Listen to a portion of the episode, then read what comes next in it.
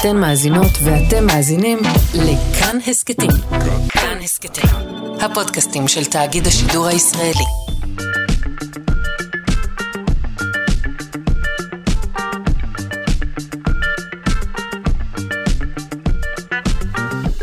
שלושה שיודעים.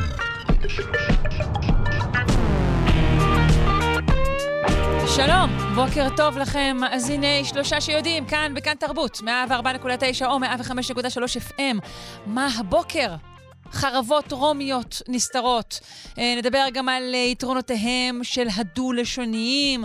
נהיה עם אה, צמיגים חדשים שמזהמים פחות, וצמחים שגדלים להנאתם בקוביות ג'ל. בשעה השנייה נביא לכם עוברי אדם מלאכותיים. מה עוד? מה עוד אתם רוצים? עורכת אותנו אלכס לויקר, על ההפקה, תמר בנימין, על הביצוע הטכני דימה קרנצוב, אני שרון קנטור, בואו נתחיל.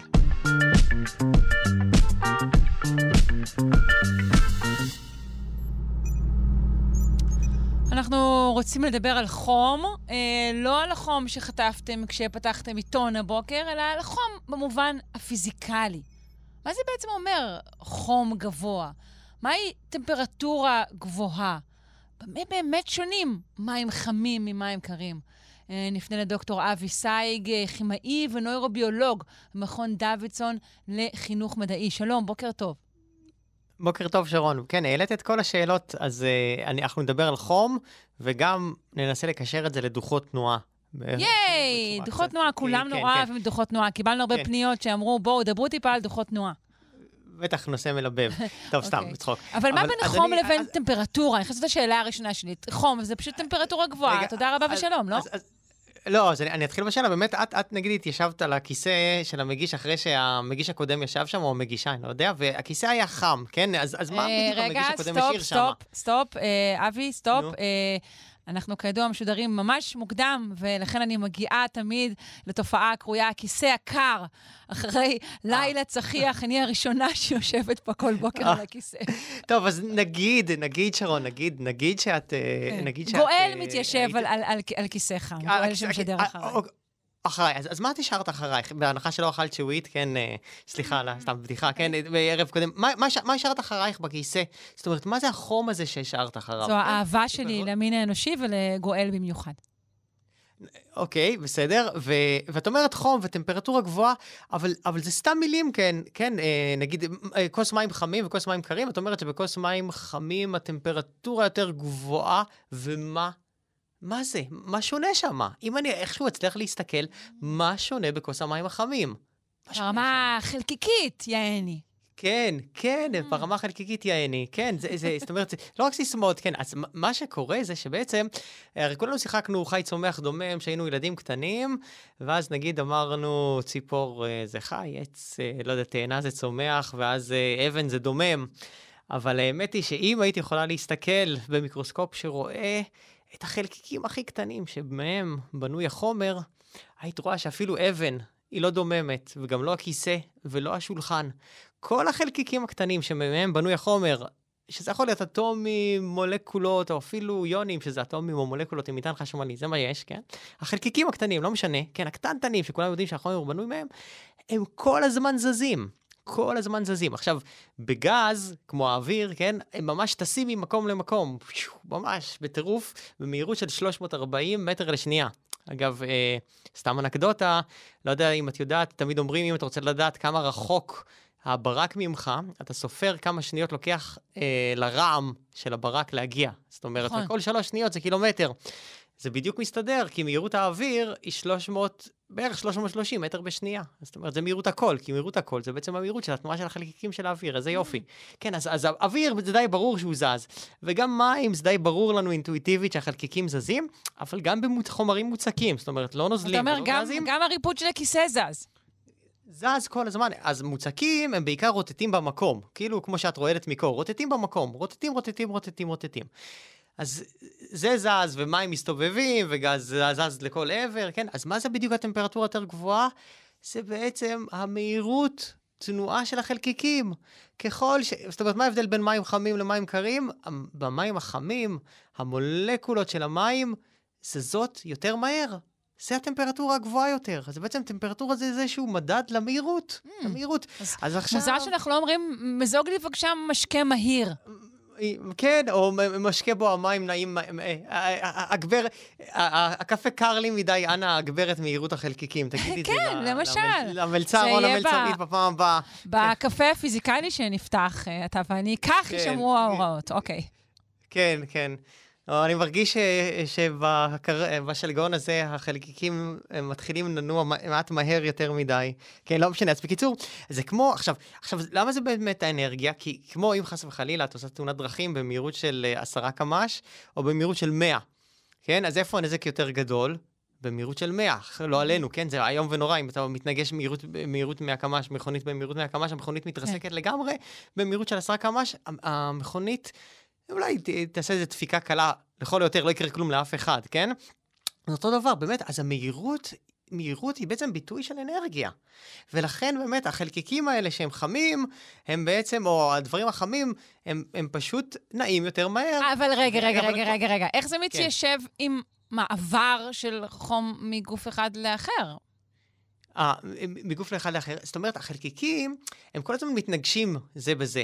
אז גם אם תיקחי כדורי ביליארד, כן, כדור ביליארד אחד, אה, נגיד אה, דומם, ותעיפי אותו, אה, תזרקי עליו כדור אחר, אז מה יקרה?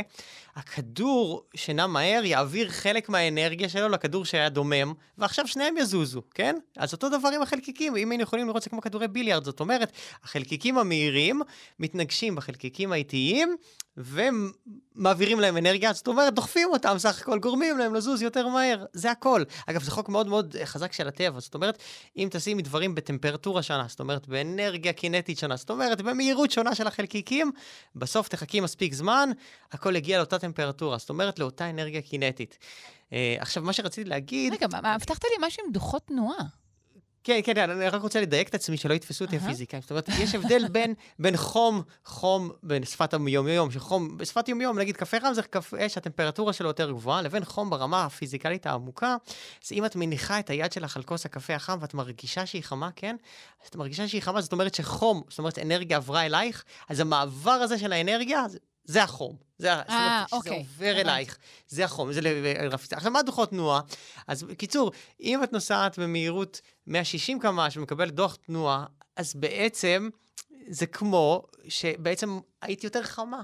כן? דוחות תנועה על מהירות מופרזת, זה דוחות על טמפרטורה גבוהה מדי של המכונית, אם המכונית הייתה חלקיק. כן, זה, זה הקשר, כן.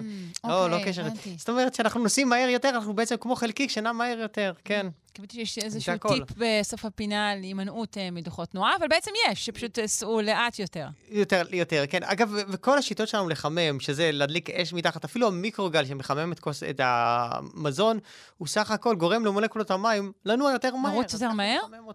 וקירור כן, עובד... להסתובב יותר. רגע, קירור עובד גם כן ככה? רגע, בעצם קור הוא, הוא לכאורה לא מושג פיזיקלי, נכון? בעצם יש רק חום, אה, אפשר להגיד? יכול להגיד, אם את מתפלספת, להגיד שתמיד היש ישנו והאין איננו, אין אין, אבל, אבל, אבל, אבל, אה, תראי, אז קור, את יכולה להגיד קור זה תנועה יותר איטית, אבל עלית כאן על משהו עמוק. אם אני אומר שטמפרטורה זה תנועה, אז חייב להיות איזושהי טמפרטורה שבה החלקיקים יעצרו, נכון? שלא ינועו, ואז מה? ואז זה יהיה האפס המוחלט. באמת הפיזיקה, המדענים גילו את זה.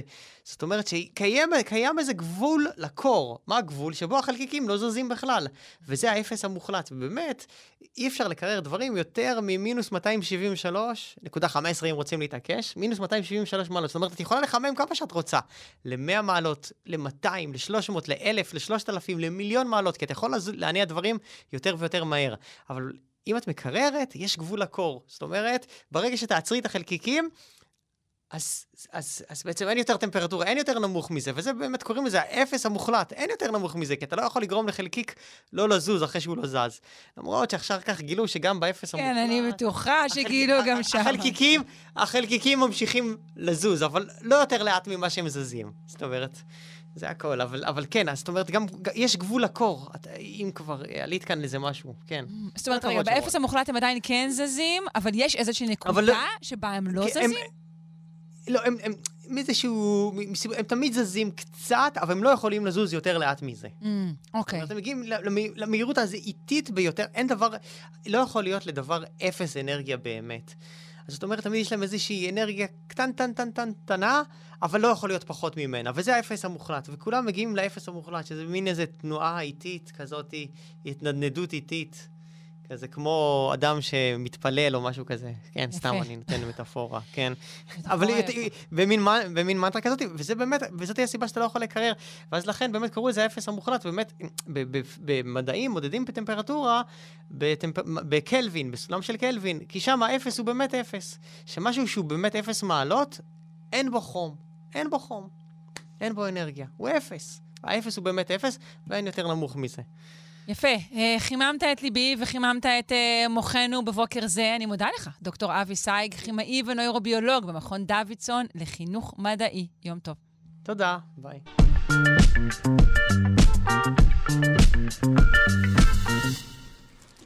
ארבע חרבות רומיות וראש כידון מלפני כ-1900 שנים התגלו בגומחה נסתרת במערה בשמורת הטבע עין גדי.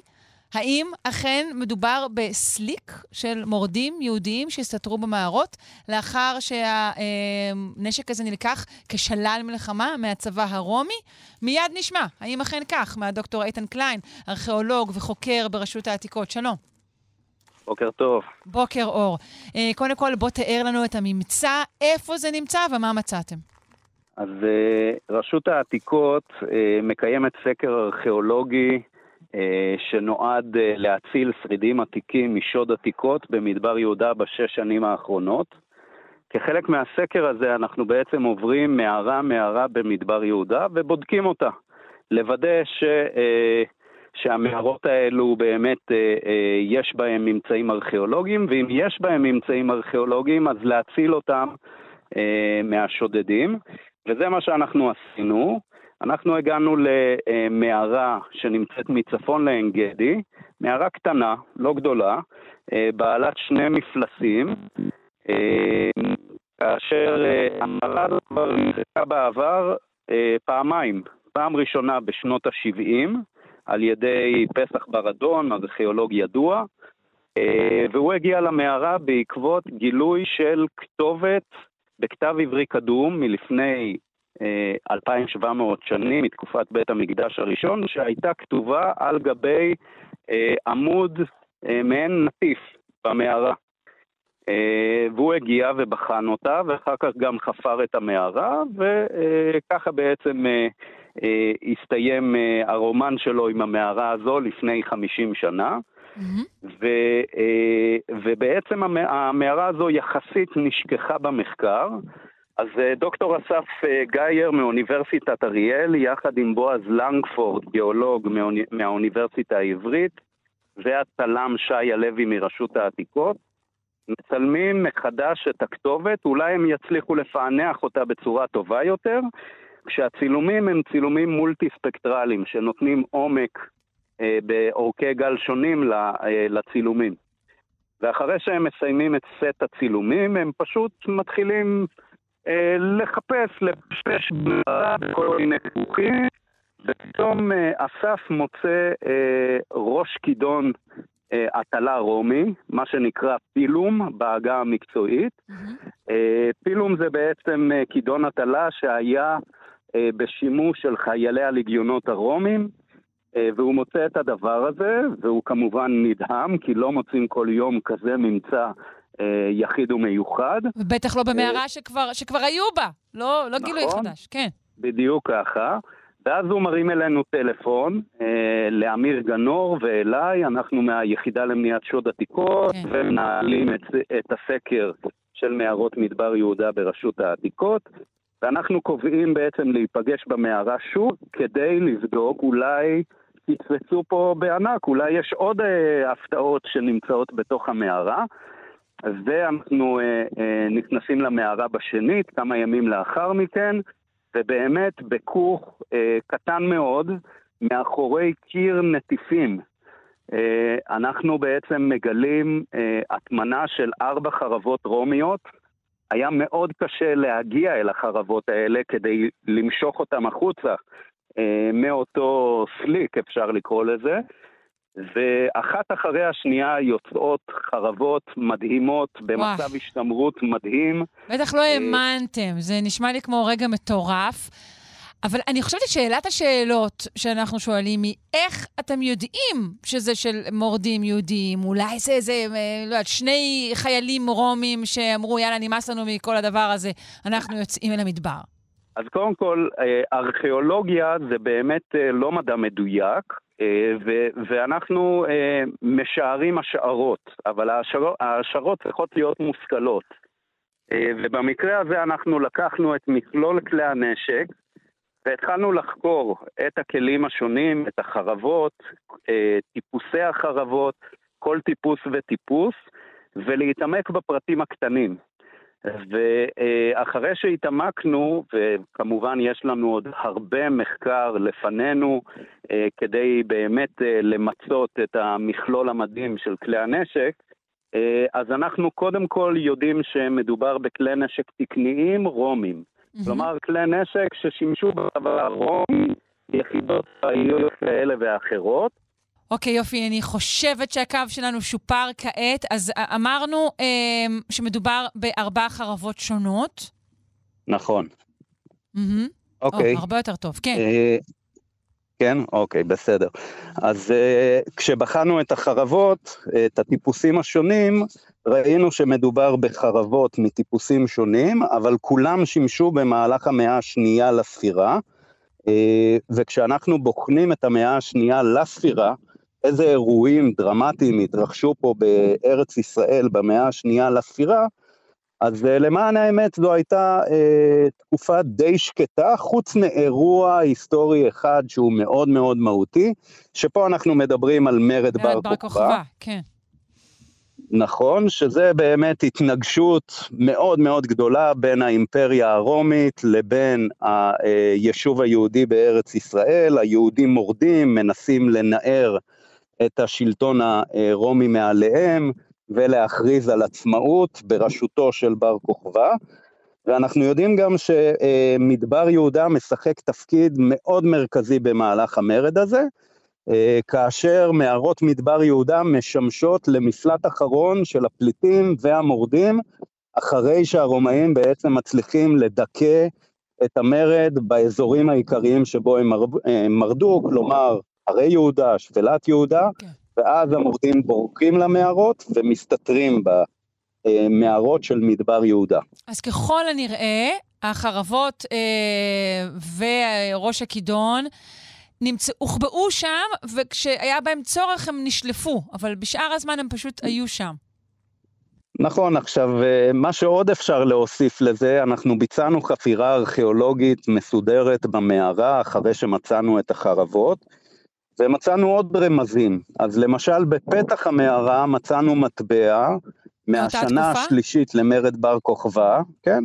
מתקופת מרד בר כוכבא, עם הטבעה אה, של מרד בר כוכבא, מצד אחד כתוב שמעון עם עץ דקל, שזה בעצם סמל של יהודה, אה, ומהצד השני רואים אשכול ענבים, וכתוב לחירות ירושלים, אוקיי? ואנחנו יודעים שזה מהשנה האחרונה למרד בר כוכבא.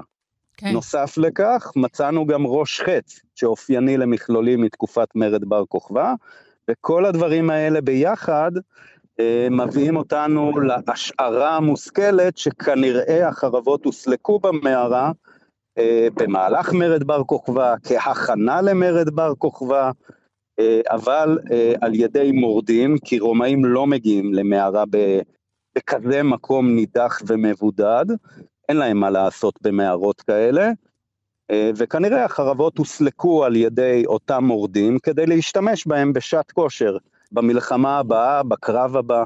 יפה. אה, אני מודה לך מאוד אה, על השיחה בתנאי השטח. דוקטור איתן קליין, ארכיאולוג וחוקר ברשות העתיקות. תודה רבה. תודה רבה, להתראות. להתראות.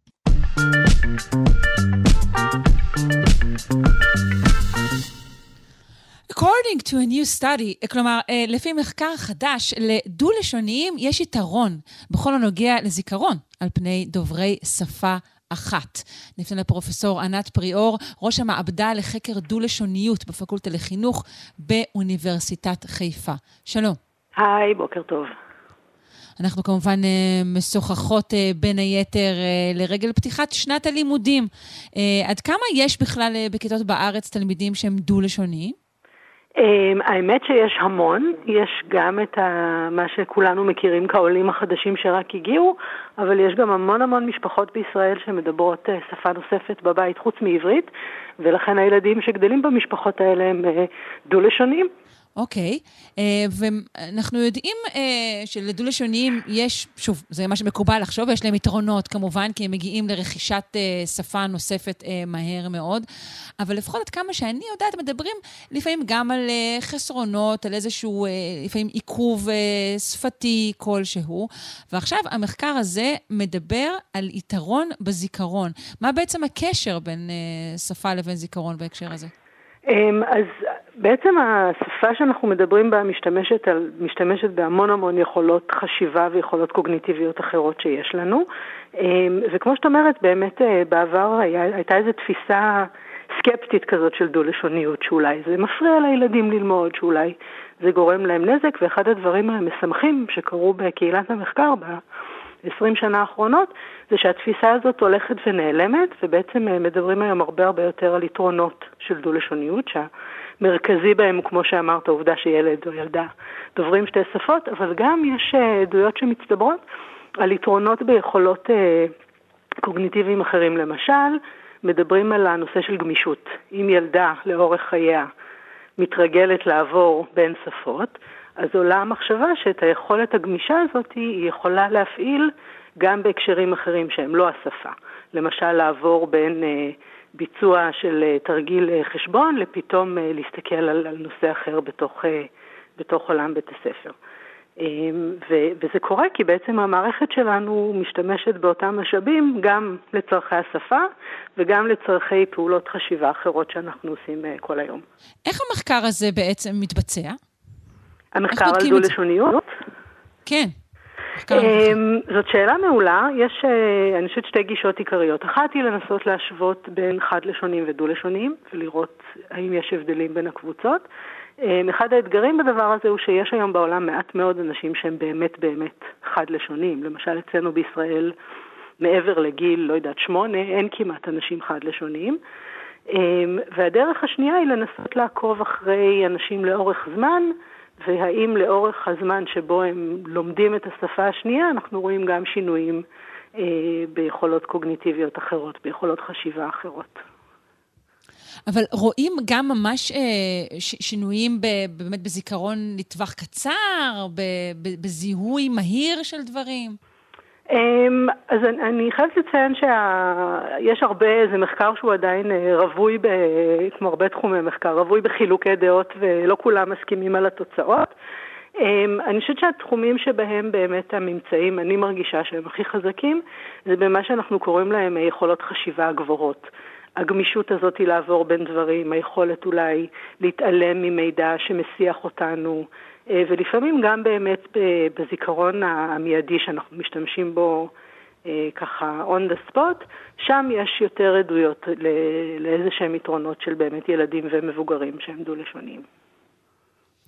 ואיפה בדיוק במוח אה, נמצא, אם אפשר לשאול את השאלה הזאת, אה, היתרון הזה? זה קשור באמת ל, ל, לזה שצריך לבחור ברגע הנתון את המילה הנכונה בשפה הנכונה. זה קשור אולי אפילו להגייה אה, שונה, שגם היא מפתחת את המוח? אה, תראי, דו-לשוניים בעצם המציאות של יומיומית שלהם אה, היא כל הזמן שאנחנו צריכים לבחור באיזה שפה להתנהל.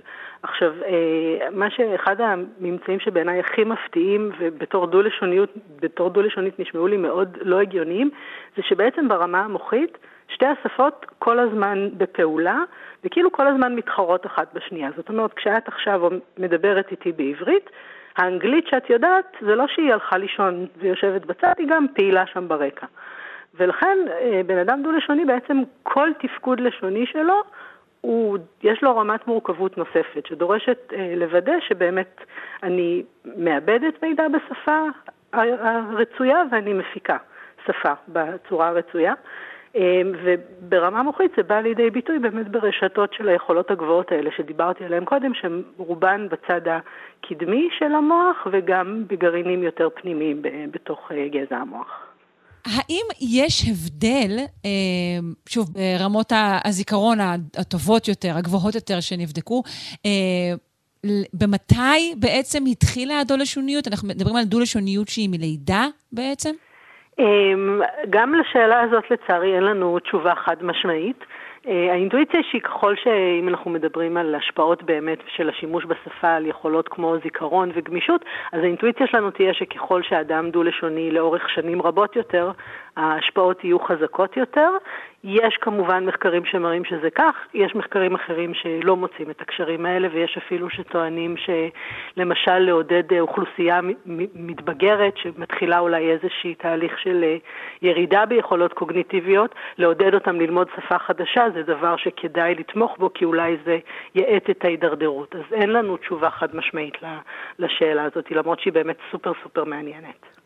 ואולי לשאלה אה, לגבי עד כמה אתה נדרש להחלפה בין השפות, כן, אה, כן בדקו את זה? זאת אומרת, הרי יש, אה, כמו שאמרת, יש, לכולנו יש בעצם, נגיד, את האנגלית לצורך העניין, לצערנו לא מספיק את הערבית, ברקע כל הזמן, ואנחנו שולפים את העברית, כי זה מה שאנחנו עושים. אבל יש יותר יתרון למי שצריך לתזז יותר פעמים ביום, למשל למי שיש לו באמת הורה אחד כזה והורה אחד כזה בבית? אה, את מוזמנת להצטרף לקהילת המחקר, כי את שואלת בדיוק את השאלות ש, שכולנו שואלים. אה, יש מחקרים שמראים את זה, זאת אומרת שכששואלים אנשים כמה הם נוטים להחליף בין השפות, אנשים שעושים את זה בשכיחות גבוהה יותר באמת מראים גם יתרונות אה, קוגניטיביים משמעותיים יותר, אבל שוב, זה לא ממצא שהוא קונסיסטנטי בכל המחקרים, זאת אומרת, יש מחקרים שלא מוצאים את הקשר הזה.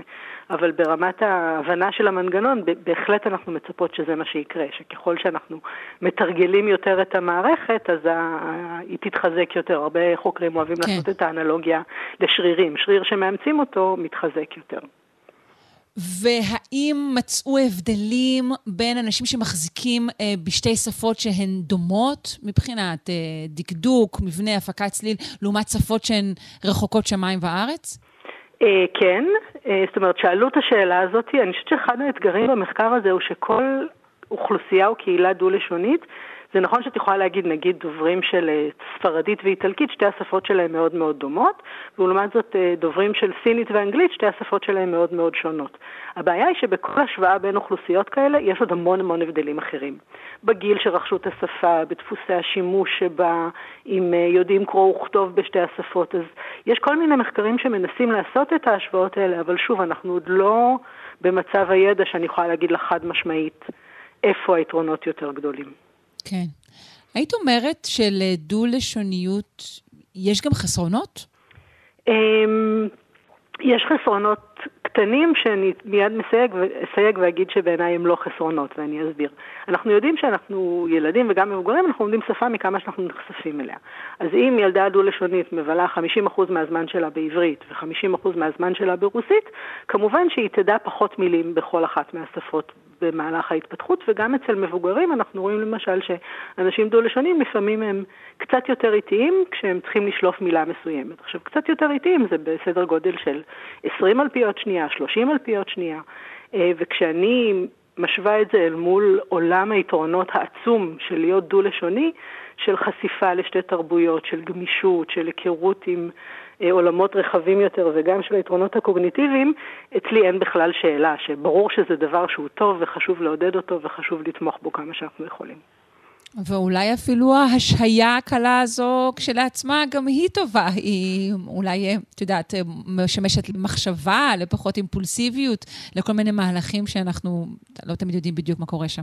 כן, כן, כן, בהחלט זה יכול להיות. גם בהקשר, אה, למשל, של רגישות חברתית ושל יכולת אה, להבין אחרים, בגלל שילדה דו-לשונית למשל צריכה לדעת לכל אדם באיזה שפה היא צריכה לפנות, אז יש עדויות שהיכולת הזאת באמת להבין שלאדם אחר יש ידע שונה משלי, מתפתחת יותר מוקדם אצל ילדים שהם אה, גדלים בסביבה דו-לשונית. טוב, מעניין מאוד. אה, כמובן, נזכיר, יש אוכלוסייה גדולה מאוד בישראל, שכל חייה מתנהלים בעצם בשתי שפות. זו כמובן אוכלוסיית דוברי הערבית, שחיים במדינה שהשפה השלטת בה היא שפה אחרת. שתיים לפחות, כי הם גם כמובן כן, לומדים אנגלית. לומדים זאת אנגלית, אומרת, נכון. זאת אוכלוסייה תלת-לשונית שהיא היא סופר מיוחדת בעולם, כי באמת לא אנשים שבחרו ללמוד שפות כי זה מעניין אותם או קרוב לליבם, אלא פשוט זו המציאות הלשונית שלהם, והאמת שאנחנו, אצלי במעבדה יש לנו כמה וכמה מחקרים שמנצלים את העובדה הזאת שיש לנו אה, נגישות לאוכלוסייה כל כך מעניינת ומיוחדת, אה, לנסות להבין באמת את הקשרים אה, אצל אדם שדובר ומשתמש ברמה יומיומית כמעט בשלוש שפות כל כך שונות אחת מהשנייה. מעניין מאוד. אני מודה לך אה, על השיחה, פרופסור ענת פריאור, ראש המעבדה לחקר דו-לשוניות בפקולטה לחינוך באוניברסיטת חיפה. תודה רבה. תודה רבה, שרון, ביי ביי.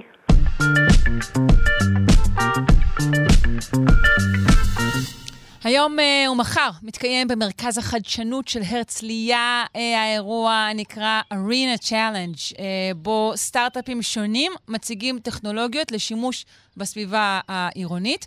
Uh, כשמטרת הטכנולוגיות היא התמודדות עם שינויי האקלים, אנחנו רוצים לשוחח עם uh, אחד הסטארט-אפים המשתתפים. Uh, זה פיתוח של uh, קוביות ג'ל, שמאפשרות uh, לגדל צמחים בכל מקום ובכל מצב.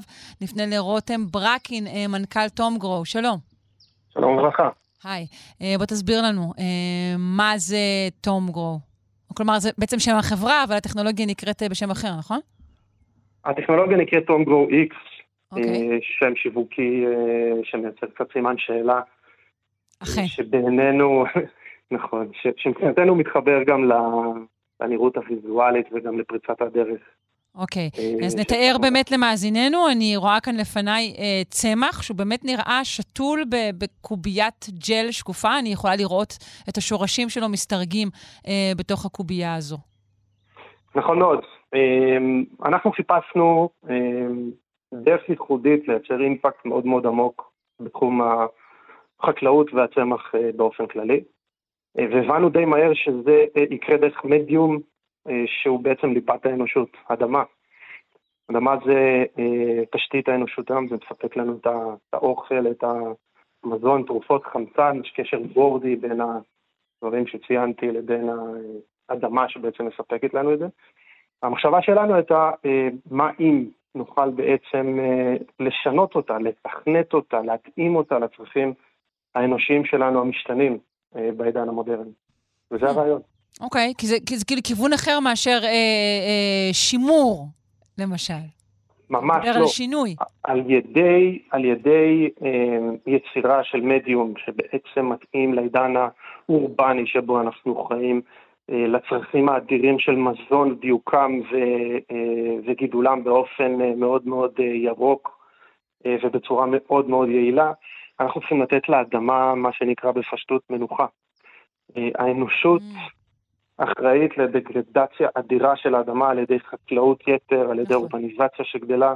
יש נתונים די מרשימים על מה שקורה היום אה, אה, בעולם. אנחנו צריכים לתת מענה תשתית אחר, כן. מה שפעם אה, יש לו- נתנה אולי שנת שמיטה רצינית, אה, אז אה, צריך להסתכל נכון. באמצעים אחרים. אוקיי. לגמרי. אז אה, מה, מהו הפטנט הזה? כי דווקא אדמה זה דבר שאנחנו לא רואים בו. נכון. אה, הפטנט פה הוא בעצם תכנות של מדיום אה, שבנוי משרשראות ננומטריות תלת-ממדיות, במיקרוסקופ הן נראות ממש כמו אה, מעין רשת אה, דייגים, שהתכונה הבסיסית שלהם היא שפיכה של מים. זה בעצם קובייה שזורקים אותה למים, היא סופחת פי עשר ממשקלה. זאת אומרת, קילו אחד יספח עשרה ליטרים אה, של מים. זה, זה בעצם ה, ה, היעד הראשון שהגענו אליו במעלה הפיתוח. אוקיי. בהמשך, היכולת של שורש אה, לדבר עם המצב וליצור סימביוזה עם הקובייה ולגדל צמחים, אה, הייתה האתגר שלנו, שגם אותו אה, הצלחנו לפתור. מה זאת אומרת אה, לדבר? תסביר לנו. שורש בעצם מחפש שני, אה, שני, שלושה דברים עיקריים על מנת לספק את הצמח שלמעלה ולהוציא פרי אה, שאפשר גם לצרוך אותו. אחד זה מים, שניים זה חמצן, והשלישי זה האוכל בישון.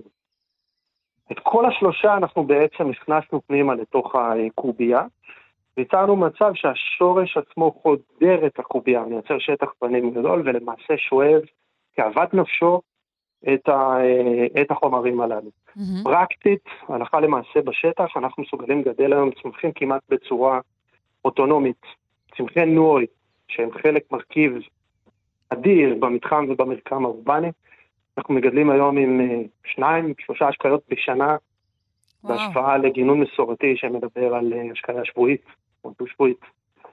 חיסכון אדיר של מים וחיסכון אדיר של אה, אדמת כבול, זה בעצם חתימה ירוקה אחת לשמה. תגיד, זה מותאם אבל רק לצמחונים אה, קטנים? זה, זה יכול גם אה, בעתיד, או אתם אפילו עובדים על אה, פתרון כזה שמותאם גם לצמחים גדולים, אפילו לעצים? או שאני מגזימה לגמרי? את לא מגזימה בכלל, בשטח הפיתוח של תום גדלים גם עצי הדר, לאורך ההיסטוריה עם אה, קוביות ג'ל בלבד. אה, כאשר ממקמים אותם כספק המים והדשן והחמצן לצמח, כל ישות צמחית יכולה בעצם לגדול, וכשאני אומר ישות אנחנו לגמרי מסתכלים על צמח כמטאוורס שבו אנחנו בוחנים אותו מדעית ודיגיטלית, יש לנו נתונים על כל צמח שאנחנו מגדלים ועל ההשפעה הסביבתית שלו. וואו, תגיד, פרט uh, לאירוע הזה um, במרכז החדשנות הרצליה, איך אפשר, איפה אפשר uh, לראות או למצוא uh, את הפיתוח שלכם? קודם כל יש לנו אתר, uh, שאפשר להיכנס ולהתרשם ולהבין את כל המידע המדעי uh, והמשחקי שלנו. Uh, שנית, אנחנו uh, uh, חדרנו לשוק ה, uh, uh, המוסדי הרחב האורבני. אנחנו מספקים מערכות טום גרו, גדולות, עם צמחים גדולים למלונות, משרדים, שדות תעופה, קניונים וכן הלאה, בעצם לכל המתחם המקורה האורבני. מייצרים לו חתימה ירוקה הרבה יותר גדולה, אפס תפעול. וירוק בעיניים. לא רק, לא רק ירוק בעיניים, אני מניחה שהצמחים שגדלים כך, הם גם יש להם את אותם היתרונות, אותם הבנפיטס שיש לצמחים שגדלים בכל אדמה אחרת, כן? לגמרי. צמחים רגילים לחלוטין, שגדלים בתוך המשרד ולא על בסיס האדם, אלא לצד האדם, וזו אמירה מאוד uh, משמעותית. טוב, uh, יפה. אתה יודע גם לספר לי משהו על המתחרים שלכם בתחרות, או שאנחנו לא נכנסים לנושא הזה? אם אני אספר על המתחרים שלי, אני, אני לא רוצה להוזיל מהם, אני מניח שיש לי מתחרים מצוינים. אוקיי. Okay. אנחנו, uh, אנחנו באים דרוכים. טוב, אה, מעניין מאוד. אה, נשתדל להגיע לשם. אה, אז אה, שוב נזכיר, אה, שם החברה שלך היא תום גרו, והאירוע אה, שבעצם עוסק בטכנולוגיות אה, התמודדות עם שינויי האקלים, אה, קורה היום ומחר במרכז החדשנות של הרצליה. תודה רבה לך, תום ברקין. תודה רבה. תום גרו, להתראות, ביי. תודה רבה.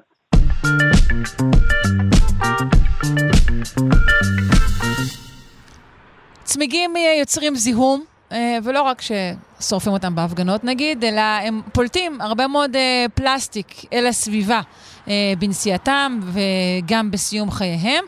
פיתוח אמריקאי חדש מציג אפשרות לייצר צמיגים אה, מחומר שהוא עמיד הרבה יותר אה, בפני קרעים. אה, נשמע על החומר הזה מה? דוקטור עדי לוי, ראש התוכנית לתואר שני בקיימות במרחב העירוני והכפרי במכללה האקדמית אחווה, וחבר הוועד המנהל באגודה הישראלית לאקולוגיה ולמדעי הסביבה. שלום. שלום, בוקר טוב. בוקר אור. אה, אז כיצד בעצם הצמיגים מזיקים לנו? פשוט בשעה שאנחנו נוסעים, הם פולטים את המיקרופלסטיק האלה? חלקיקים?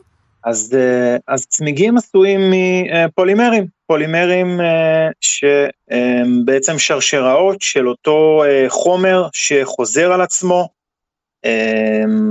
ובעצם הצמיג עשוי מגומי, גומי סינתטי, גומי טבעי, שילוב של השניים, בשילוב של כל מיני uh, מתכות, ובעצם החיכוך בין הצמיגים לאספלט uh, גורם להתפוררות של חלקיקים קטנים מתוך הצמיגים כל הזמן. Uh, כיום מיוצרים בעולם כשני מיליארד צמיגים בשנה, והערכות הן שצמיגים מכלי רכב פולטים סדר גודל של שישה מיליון טון מיקרופלסטיק בשנה. אויה. והמיקרו...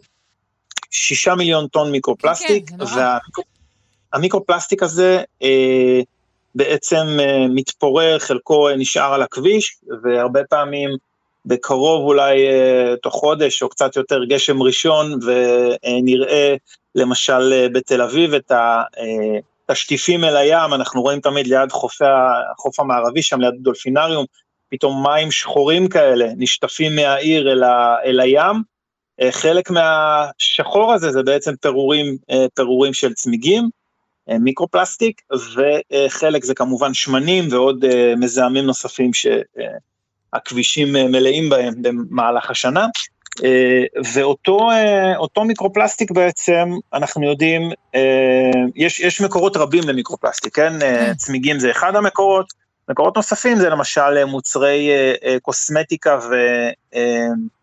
כאלה שמכילים פילינג, כאלה שמכילים כדוריות באופן מכוון, כדוריות קטנטנות של פלסטיק ונשטפים לביוב, וכמובן שחיקה של אה, מוצרי פלסטיק שמגיעים לסביבה ומתפוררים לאט לאט, מי לא פתח פעם איזה מגירה שלא נפתחה שנים והיה שם איזה שקית שמתחילה להתפורר כבר, אה, אז, אז אה, כל, כל הפולימרים האלה, הפלסטים שאנחנו משתמשים בהם, אחרי תקופת זמן כזו או אחרת, כשהם, בעיקר כשהם חשופים לקרינת UV, לשמש, למליחות של מי הים, לתנועת הערבול של הגלים, אה, הולכים ומתפוררים להם לחלקיקים קטנים של מיקרופלסטיק.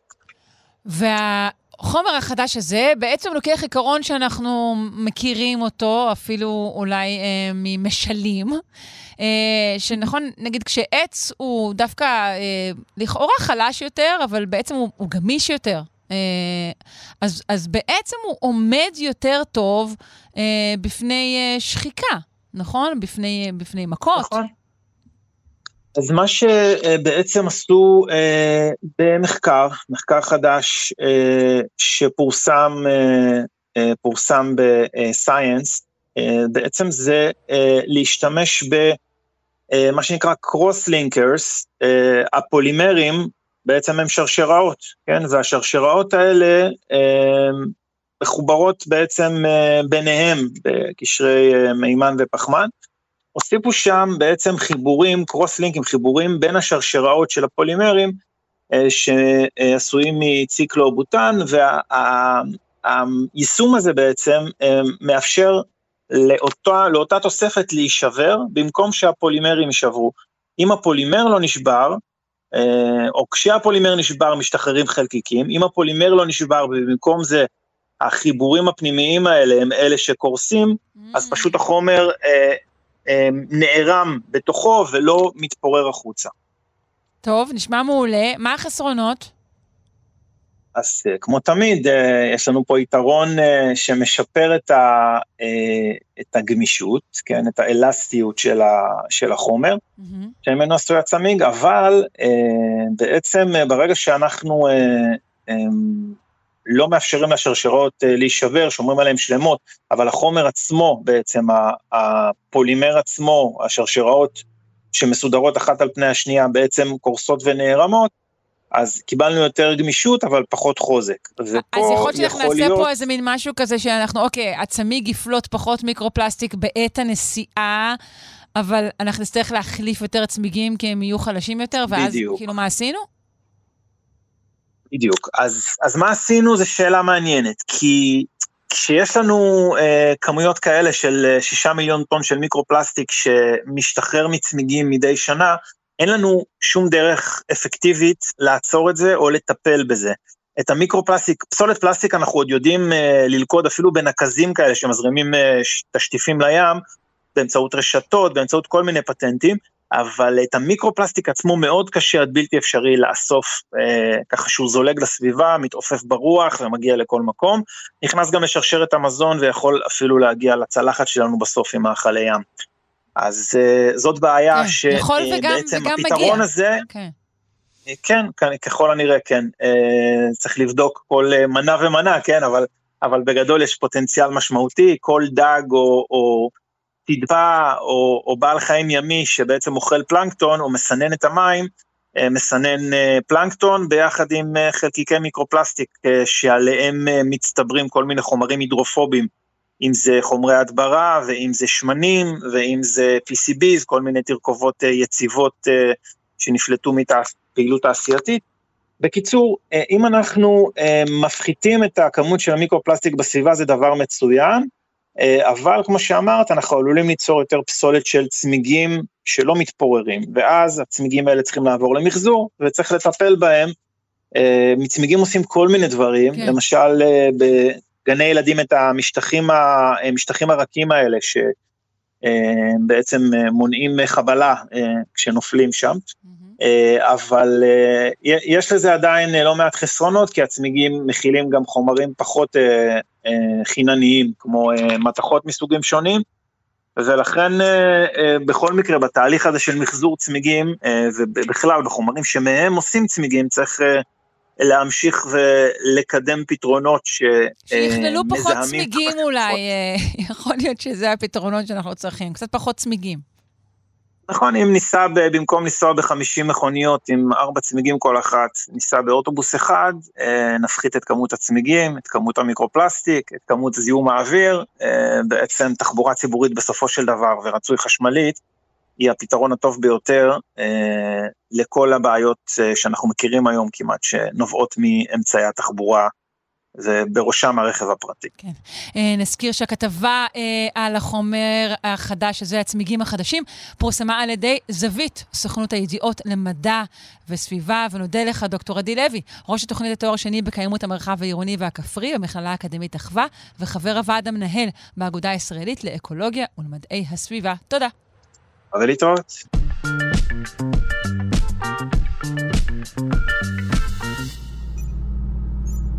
מדעני מכון ויצמן הצליחו ליצור מודלים מלאכותיים של עוברי אדם. אני אחזור שנית. מדעני מכון ויצמן יצרו עובר אנושי.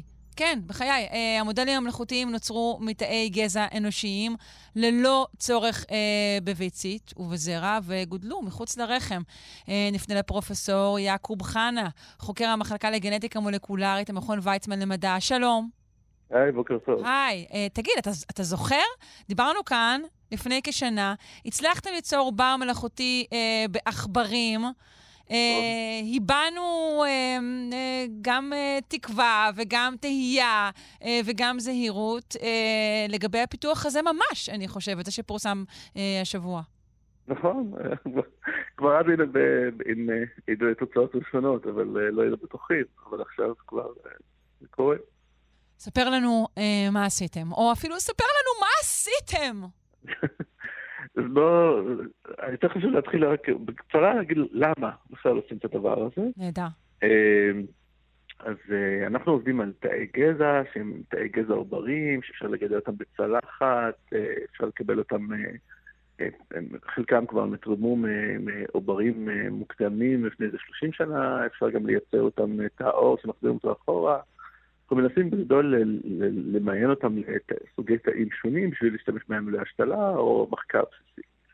עכשיו, התגלה, בוא נגיד, בתחום שקשה למיין תאים מסוגים שונים, אה, באופן קצת מפתיע, אה, ויודעים לייצר נורא מעט סוגי תאים באמת באיכות גבוהה, אה, כמו תאים לפרקינסון וכו'. ואנחנו רוצים לשפר את הפרוטוקולים, ואנחנו צריכים לחקות את העובר, כי העובר זה המשחק האמיתי, שם מתרחשים את הדברים. אבל בבני אדם, אה, כל הדבר הזה מתרחש בחמישה שבועות הראשונים של ההיריון, ואתה יודע, וזה קשה מאוד ללמוד את זה, אי אפשר ללמוד את זה בעצם, כי אי אפשר לגמד דגימות עובר אה, בשבועות כל כך מוקדמים, זה לא אתי, טכנית זה לא ישים, ולכן אה, תמיד חשבנו לנסות לייצר, מין, לעקוף את הבעיה הזאת על ידי לייצר משהו מאוד דומה. גם אם לא זהה, זה יהיה משהו שאפשר לעבוד עליו. כלומר, זה ולכן- חיקוי של אה, עובר אדם ל- ל- לצורכי מחקר, בגלל שאי אפשר אה, אה, לבדוק דברים או לחקור דברים על, על עובר אנוש אמיתי בשלבים נכון. האלו. בדיוק. אוקיי. ולכן כאילו בעצם זה מסע מאוד ארוך, שהתחלנו קודם כל עם העכבר, כמו שהזכרת, כי תמיד העכבר הוא מודל מוכר, אה, ככה מאוד אה, יותר פשוט, יותר קצר. באמת זה- הצלחנו עם, אה, עם תאי עכבר, ותכף לדבר, עברנו לתאי אדם. ומה זאת אומרת, מה עושים? אז יש לנו תאי גזע, כמו שאמרתם, מגדלים אותם. אז דבר ראשון, אנחנו שמים אותם במצעי גידול, שחל... באדם אנחנו בעצם גילינו גם את המצע הגידול הזה, שהופך אותם לנאיבים, מה זאת אומרת? כלומר, הם ממש מקבילים לשלבים הכי מוקדמים, אה, שזה יום 6, יום 5, ויש להם יכולת לייצר גם תאי שליה ותאי שק חלמון שמסביב לעובר, שידוע, הם לא רק חשובים להזנה של העובר, אלא גם הם מכתיבים התמיינות נכונה לאיברים שונים.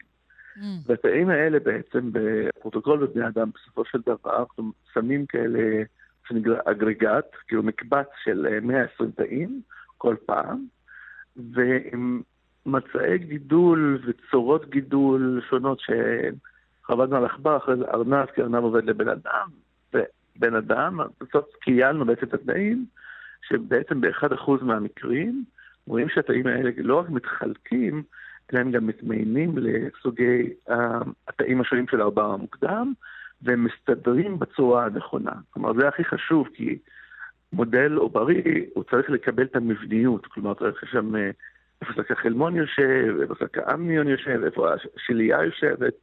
אה, והגענו עד יום 14 בהתפתחות הבן אדם, שזה שלב לפני יצירת העוברים, כלומר זה עדיין יותר מוקדם יחסית למה שהצלחנו להגיע בבני אדם. אבל זה, אותנו זה מאוד מאוד מרגש, כי אנחנו יודעים שיום 14, שהדברים מסתדרים נכון, אז הסיכוי שזה ימשיך הלאה ביום 15 ויתחיל, זה התחלת יצירת האיברים עד יום 40, עד מ-15 עד 40. אז יש איזה, אה, ההתארגנות הזאת היא, היא, היא הכרחית כדי שיוכל להתקדם הלאה. אז זה שאנחנו רואים את ההסתדרות והיא מאוד מורכבת, כי זה מבנים אומנם ראשוניים, אבל הם מאוד מאוד חיוניים. וזה בעצם מה שאפיינו במאמר לעומק, כמה, שזה, אני חייב להגיד שזה לא זהה, אבל זה מאוד מאוד דומה. אה, ו... זה לא זהה? איך לא, בכלל בודקים, לא, גם בעכבר איך, איך לא בודקים זה. בדיוק את רמת הדומות יפה. אה, למה שקורה? שאלה מצוינת. אז בעכבר כמובן, בארנב זה מאוד קל לעשות את זה, כי יש לו מלא דגימות, אנחנו כן, יכולים. להוציא מהרכב. בבני אדם אין את האפשרות הזאת, בעצם אנחנו הסתמכנו, בכל המחקר הזה לא השתמשנו בשום אה, אה, אה, עובר של בן אדם או לא אינסופים. יש אטלסים בשנות ה-60 שהיה להם דגימות ועשו מלא חתכים כדי ללמוד איך נראה עובר בן אדם. אני חייב להגיד שזה באמת אחת, הבע... אחת, אחת הבעיות, כי אז אה, כאילו גם שם זה כמות מוגבלת של עוברים. אפילו, בוא נגיד היום, לא חושב שהם נותנים להם אישור אתי. זהו, זה משנות אז. ה-60 בגלל שעוד לא נכנסו כל מיני כן. כללים אתיים? אוקיי. כן, זה כן, יתרון מסוים אולי של אה, תקופות ניסויים יותר. פרימיטיביות יותר אה, ברפואה, שאתה יכול נכון. עכשיו להסתכל על זה, אוקיי. נכון, לפחות עושים בזה שימוש טוב, בוא נגיד ככה. כן. מאז. יש היום קצת יותר, כלומר, יש אישורים אתיים לעשות לשלבים קצת יותר מאוחרים, אבל אה, בכל מקרה, גם, גם פה, את יודעת, אף פעם אין לנו את העומק, אתה יודע, בעכבר, למשל, מכירים את המבניות, מכירים כל תא, איפה מבטא כל גן. אז זה באמת משהו, אתגר שמתמודדים אותו, לכן משתמשים גם במודלים מקופים או שימפנזות, אה, שיש גם עכשיו אטלסים וכאלה, זה בעצם השוואה רוחבית כזאת.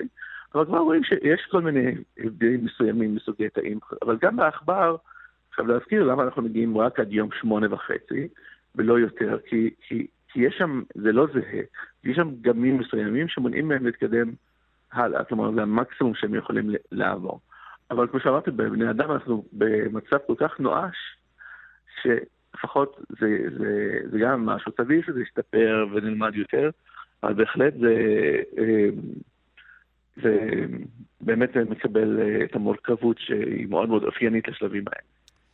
וזה כבר מאפשר בשלב זה, כלומר, זה, זה, זה יאפשר עוד אה, אה, עולם ומלואו בתחום המחקר, אבל זה כבר מאפשר אה, לחזות אה, פגמים גנטיים, למשל? עדיין פחות, אני אגיד לך למה, אנחנו צריכים להעלות את היעילות.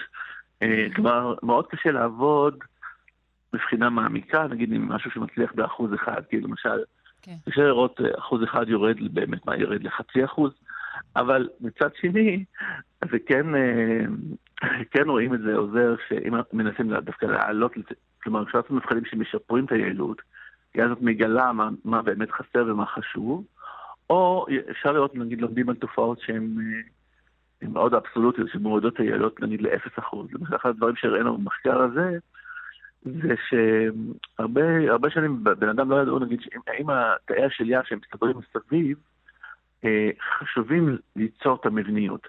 תאי שליה בשלב הזה הם לא, הם לא צריכים להזין את העובר. העובר אה, בשלב הזה, ההזנה שלו היא לא על ידי דם, פשוט אה, על ידי מצע הגידול סביבו. כן. אבל ראינו למשל, אם לא שמים, אם לא שמים את הטרופובלסטים מסביב, אז לא מקבלים שום סדר של המבנים. אין שק חלמון, אין שק אמניון, התאים שמה, אבל פשוט לא מצליחים להסתדר בלי התאים מסביב. אז זה כבר כאילו Mm. אה, תצפית שאף פעם לא, אה, לא ראו אותה אה, בו- במבניות, ועכשיו נגיד רוצים לגלות למה, אם זה משהו שמפרישים, אם זה פשוט הלחץ המכני שהם מייצרים מסביב, אנחנו לא מצליחים להבין למה, אבל זו תוצאה מאוד שחור לבן אה, שקיבלנו בעזרת. מעניין. תגיד, שאלה אמ, אולי קצת מזווית אישית, פרופסור חנה. אתה אומר לעצמך, או אמרת לעצמך, היי, אני, כאן, פרופסור חנה, יצרתי עובר אנושי במעבדה? אני אלוהים קטנצ'יק? אז ממש לא, אני אגיד, קודם כל, לא נראה לי, לא יודע, תופסים את זה השאלה על אלוהים, אני לא נראה לי שאלוהים קצת כל פעם שיש איזה הוא אחריך, על הקו. כבר ממתין, כן. מצית וגם, אה, אה, אתה יודע, טיפולי IVF, מאוד מקביל, נגיד, לטיפולי הפוריות שהיום עושים נורא בשגרה. גם בשנות ה-80, כזה, מה ולמה, וגם החששות, יגנבו עוברים ויעשו צבא, ויגנבו את בנק הזרע. אז זה לא, זה לא עובד ככה, באמת. אה, אבל אני, וגם, כמו שאמרתי, עדיין זה לא... אה, זה לא, זה לא זהה, לא, אני לא חושב שאי פעם גם אפשר לייצר הריון, אנחנו לא מנסים, גם, אבל גם זה, עובר אדם, הריון שלם זה תשעה חודשים, עובר נורא גדול. וזה. אמרתי לך, מטרות המחקר הן מאוד רפואיות, ולמזלנו יצירת האיברים מתרחשת בחמישה שבועות הראשונים, וזה לא על פני תשעה חודשים, כן. אז לכן אנחנו יכולים אה, לראות פה. מה תעשו איתם אחר כך, אבל? נגיד שתצליחו לגדל אותם עוד ועוד, מה תעשו איתם אחר כך? לא, אז אני חושב שמה שאמרתי, התקופה של יצירת האיברים שזה 40 יום, אם נצליח להגיע.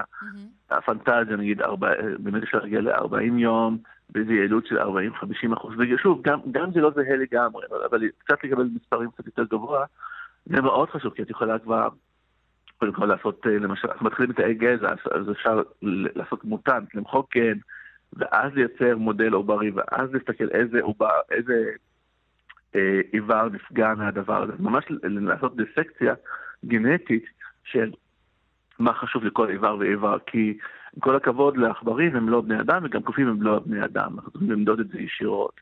כן. אפשר לחשוב גם על, אה, חשוב לזכור גם רוב הפגמים ההתפתחותיים בהיריון, אה, וגם רוב ההפלות מתרחשים בתקופה הזאת. אז גם אין לנו מושג באמת מה, מה, למה פגם מסוים מתפתח. אנחנו יודעים מה התוצאה הסופית, גם בדרך כלל מגלים אותה יותר מאוחר, אבל באמת להבין מה קרה, איזה תאים לא הופיעו בזמן, או איזה תאים לא נדדו למקום הנכון, וכל מיני. אז זה גם, אה, גם אה, דברים שאפשר לחקור עם הדבר הזה. לא, שאלתי סתם אה, שאלת מדע בדיונית אולי מטופשת. נגיד אתם מצליחים לגדל את התאים האלה, צבר התאים יותר ויותר, עד לגיל של מספר שבועות. כן.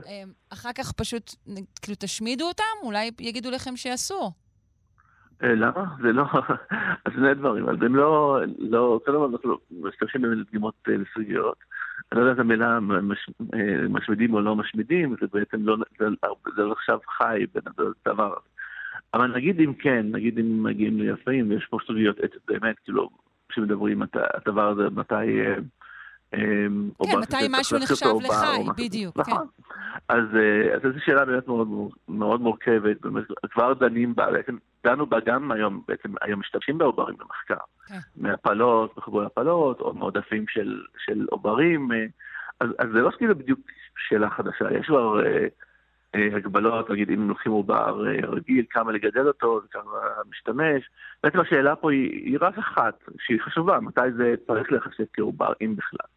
אז, אז נגיד שבעצם גם אם נגיד אי פעם נגיע לכזה זהה וזה יכול להתפתח עד הסוף, אז גם שם יש, אני מאמין שפתרונות אה, שהם ניסויים. למשל, אפשר לקחת תאי גזע, אפשר למחוק גן, ואז ב, ב, במודל העוברי הזה אין לב, אין ריאה ואין רקמת מוח. אז uh, הרבה אנשים, זה לא דבר יכול לחיות, זה, אין לו תודעה, לא יכולה להיות לו, הוא לא יכול אף פעם להתפתח להיות משהו חי, אף פעם להיוולד. לבוא להגיד שזה עובר, אני לא מאמין בזה, וגם הרבה אתיקאים ואנשי דת גם לא מאמין, מאמינים בזה, אלא בעצם זה בעצם כבר יהפוך למין התארגנות כזה, קומפלקס ש, שיש בו איברים חשובים. כן. אם אני מנסה לחקור תאי דם או תאי ביצית, אין לי שום, אני לא צריך רקמת מוח ורקמת ריאה. אז יש, כשנגיע לשם, אני מאמין שגם יש, יש אה, פתרונות. תהיה גם. טרמינולוגיה חדשה אולי, שתעזור לנו בדיוק, אבל לעכל אנחנו את זה טוב לא יותר. שם, כן, אנחנו אנחנו לא עדיין שם. רחוקים מאוד משם, אבל חשוב מאוד באמת תמיד לחשוב אה, מוקדם ולדון וליידע את הציבור, שאני חושב שעושים דברים במחשכים ולא מיידעים, להפך, זה כאילו מאוד, אה, רוצים לפתוח עוד יותר את הנושא.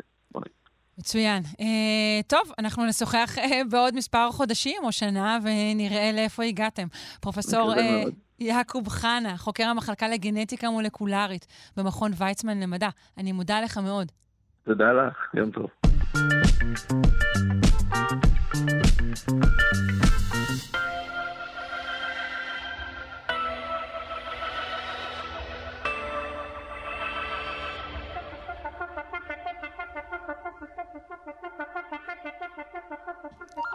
אתמול צוין היום העולמי למניעת התאבדות, אה, ואנחנו רוצים אה, להקדיש את השיחה הזו אה, של הפינה מנפלאות המוח לנושא הזה. נגיד שלום לדוקטור נועה אלבלדה, ממרכז סגול למוח ותודעה באוניברסיטת רייכמן. היי. בוקר טוב. בוקר אור. אני רוצה אולי, לפני כן. שנתחיל באמת ככה, להגיד כמה מילים על הנושא הזה של אובדנות. שזה נושא שלא מדברים עליו הרבה, וזה מאוד מאוד חשוב להעלות מודעות, כי בניגוד אולי למה שאנשים חושבים, אובדנות היא, היא תופעה יותר נפוצה ממה שנדמה לנו. אה, ואם אני זוכרת נכון את הסטטיסטיקה, אז למשל בארצות הברית, בקרב בני נוער, אובדנות היא גורם המוות השלישי מבחינה סטטיסטית.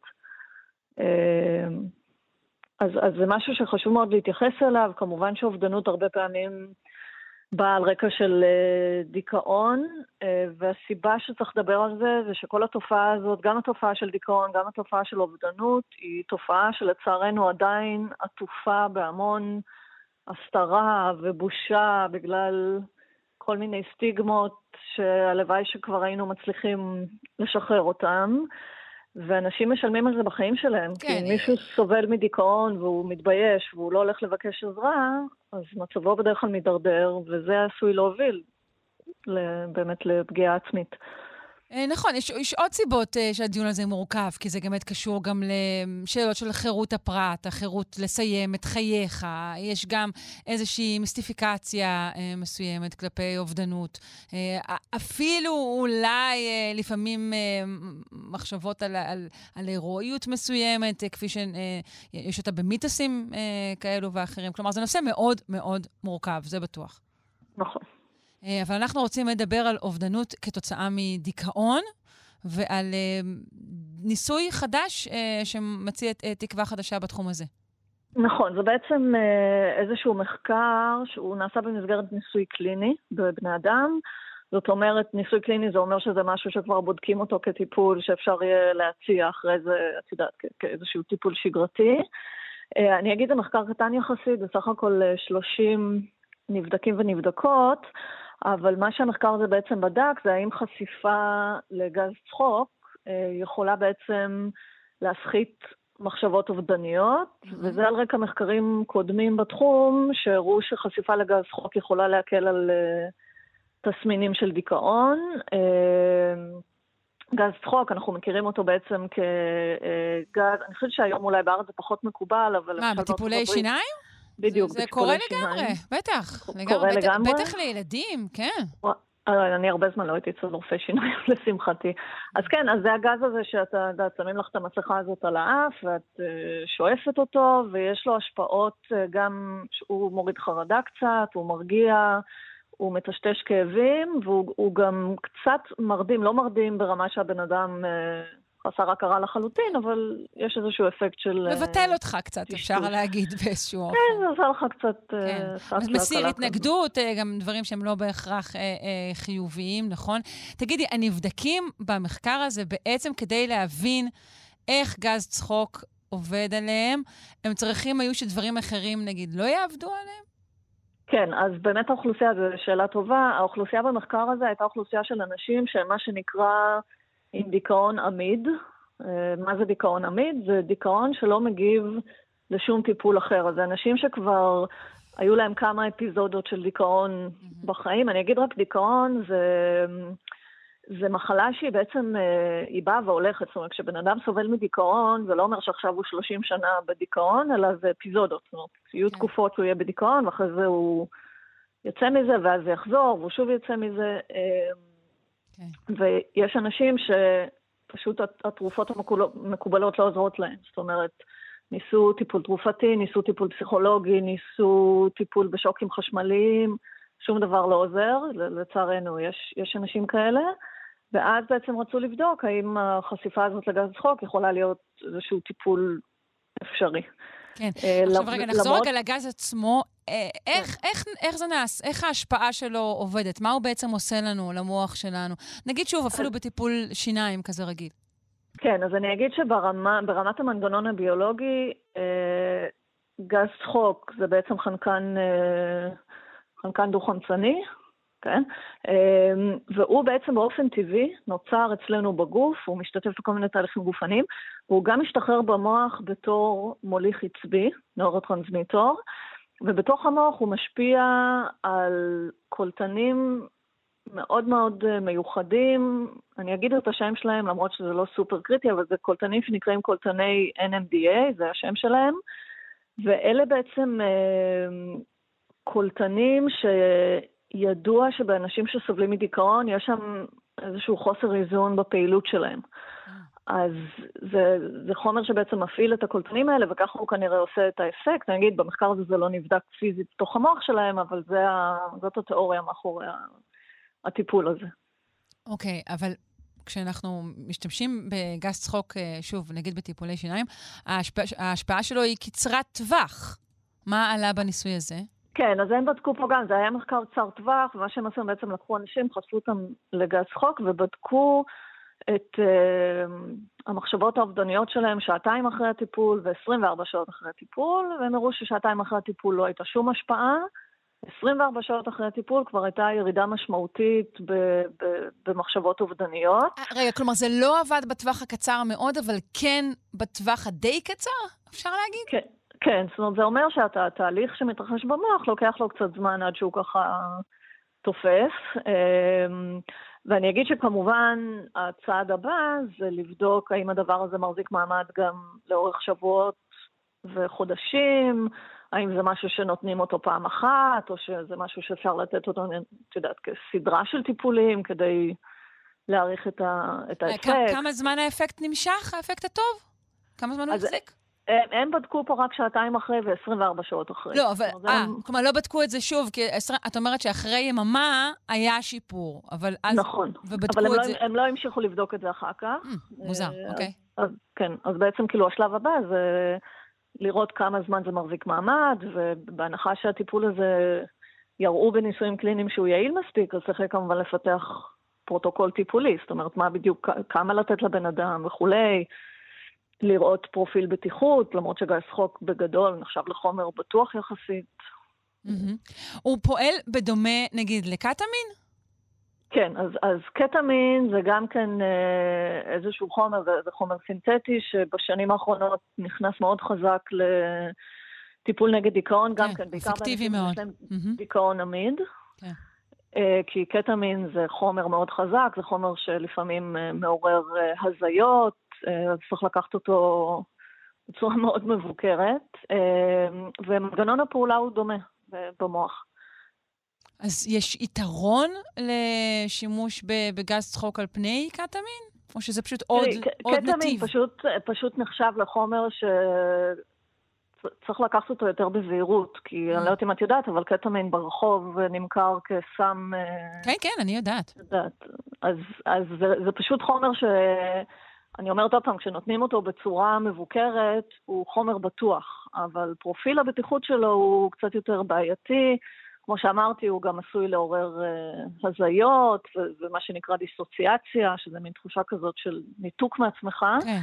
Uh, היתרון של גז חוק זה, שאמרתי, זה חומר שהוא יותר בטוח, הוא גם יותר זמין. Uh, אז בעצם מחקר כזה שנעשה על קבוצה קטנה, ועל קבוצה שיש לה גם אה, אובדנות ברמה חמורה מאוד, נכון? הם לקחו mm-hmm. פה אנשים רק שהם כבר ממש אה, אה, אמרו, די, מוות עכשיו, ואולי אפילו גם אה, עשו מה שנקרא מחוות אה, אובדניות. אז כדי... כן, טוב, לה... אנשים שבאמת יש להם מחשבות אובדניות, אני אגיד, יש הרבה אנשים שסובלים מדיכאון, שאין להם מחשבות אובדניות. נכון, לא, כן. לא כל מי שסובל מדיכאון רוצה להתאבד. בהחלט לא. במקרה הזה הם לקחו אנשים שבהחלט היו להם מחשבות אובדניות, גם אם הם לא ממש ביצעו אותם כן, לפועל, נכון. אבל, אבל מחשבות אובדניות זה דגל אדום שמתרומם. נכון. אז צריך להרחיב אותו גם ליותר אנשים, אבל גם לרמות שונות אה, של מחשבה אובדנית ודיכאון, נכון? כן, וגם דרך אגב צריך לבדוק האם הוא יעיל גם לאנשים שיש להם דיכאון ש, שמגיב לטיפולים אחרים, כי אנחנו תמיד אה. מחפשים את הטיפול שיהיה הכי יעיל, הכי בטוח, הכי זמין, הכי זול, כן.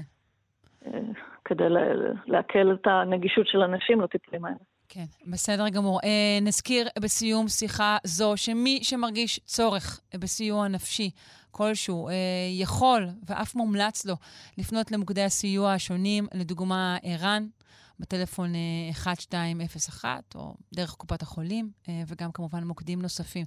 אני מודה לך, דוקטור נועה אלבלדה, ממרכז סגול למוח ותודעה באוניברסיטת רייכמן.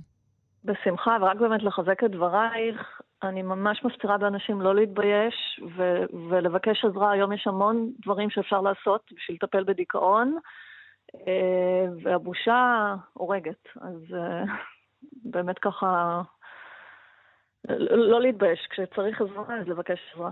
נכון, תודה רבה. בבקשה.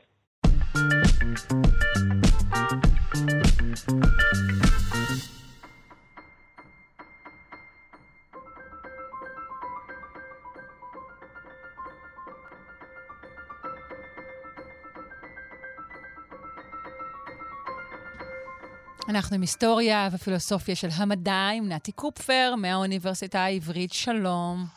שלום, שלום. שלום. איפה היינו ולאן אנחנו הולכים? ומי עשינו? אה, איפה היינו ומי עשינו? ולאן אנחנו הולכים? היינו אצל אפלטון, ראינו את הדיאלוג טימאיוס, וראינו שם משהו שכינינו אותו אה, הצלת התופעות, כלומר הניסיון של אפלטון לקחת את עולם החומר, עולם החושים, שבו לעצמו אין שום אה, אה, היגיון ו, וסדר הנראה לעין, ולנסות להציל את זה ולדמות אותו ולראות עד כמה הוא באמת בזיקה למשהו שהוא בעל הוויה, בעל היגיון, בעל איזשהו אה, הסבר ועיקרון מארגן ששולט בו, ושאפלטון עושה את זה באמצעות מתמטיזציה של, ה, של התופעות. כן. ומה שראינו בדיאלוג טימאוס זה הניסיון לקחת את ארבעת החומרים, ארבעת היסודות. ארבעת היסודות. כן, אה, מים, תזכירי לי, מים, מים, אדמה, אש. אוויר ואש, נכון? כן. שהם בעצם ארבע בעלי, אה, ארבע אה, איכויות שונות, ובעצם אה, להעמיד את כולם על אה, אה, היגיון מתמטי, ולומר, אה, אפלטון מעלה את הצורות הגיאומטריות, את הפעונים המשוכללים, יש אה, חמישה כאלו, ובעצם לטעון שאפשר להעמיד כל יסוד ויסוד על אה, אה, פעון משוכלל, אה, נכון. גוף אפלטוני זה נקרא אחר, ובעצם בזה אנחנו עשינו הומוגניזציה של הריבוי הזה של חומרים, והעברנו משהו משפת האיכויות, כן? כי יש הבדל איכותי, חושי, בין, ה, בין החומרים השונים האלה, לשפה של כמויות. אה, משהו שאנחנו נכיר אותו כמובן גם בעתיד ובמדע המודרני בגדול. מה זאת אומרת? אה, רגע, רגע, תתן לי דוגמה. נגיד שאנחנו אומרים, אה, לדבר הזה שאמרת עכשיו. טוב, זה כמעט בכל דבר, אוקיי? אנחנו מודדים הכל היום, מדברים על חום ועל קור וכולי וכולי, אבל. ב- במונחים מתמטיים.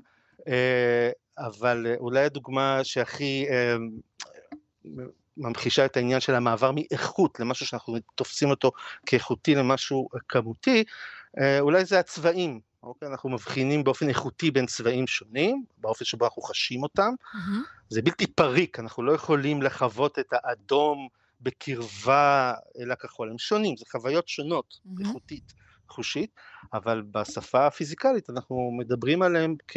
באופן כמותי, כן. כאורכי גל שונים. אנחנו כל כך כאלה. שאנחנו יכולים אפילו לטעון שהתפיסה האיכותית היא לא קיימת בכלל, אלא רק התפיסה הפיזיקלית. שיש, נכון, שיש לה רק קיום סובייקטיבי כן. שקשור לאופן שבו, ה- ה- נכון, וזה דרך אגב גם מאפשר לנו לדבר על, אה, על צבעים שאנחנו לא רואים.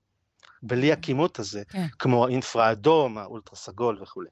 אז uh, uh, זאת המתמטיזציה הזו שמציע uh, uh, אפלטון כמתודולוגיה בעצם בשביל המדע, okay. אוקיי.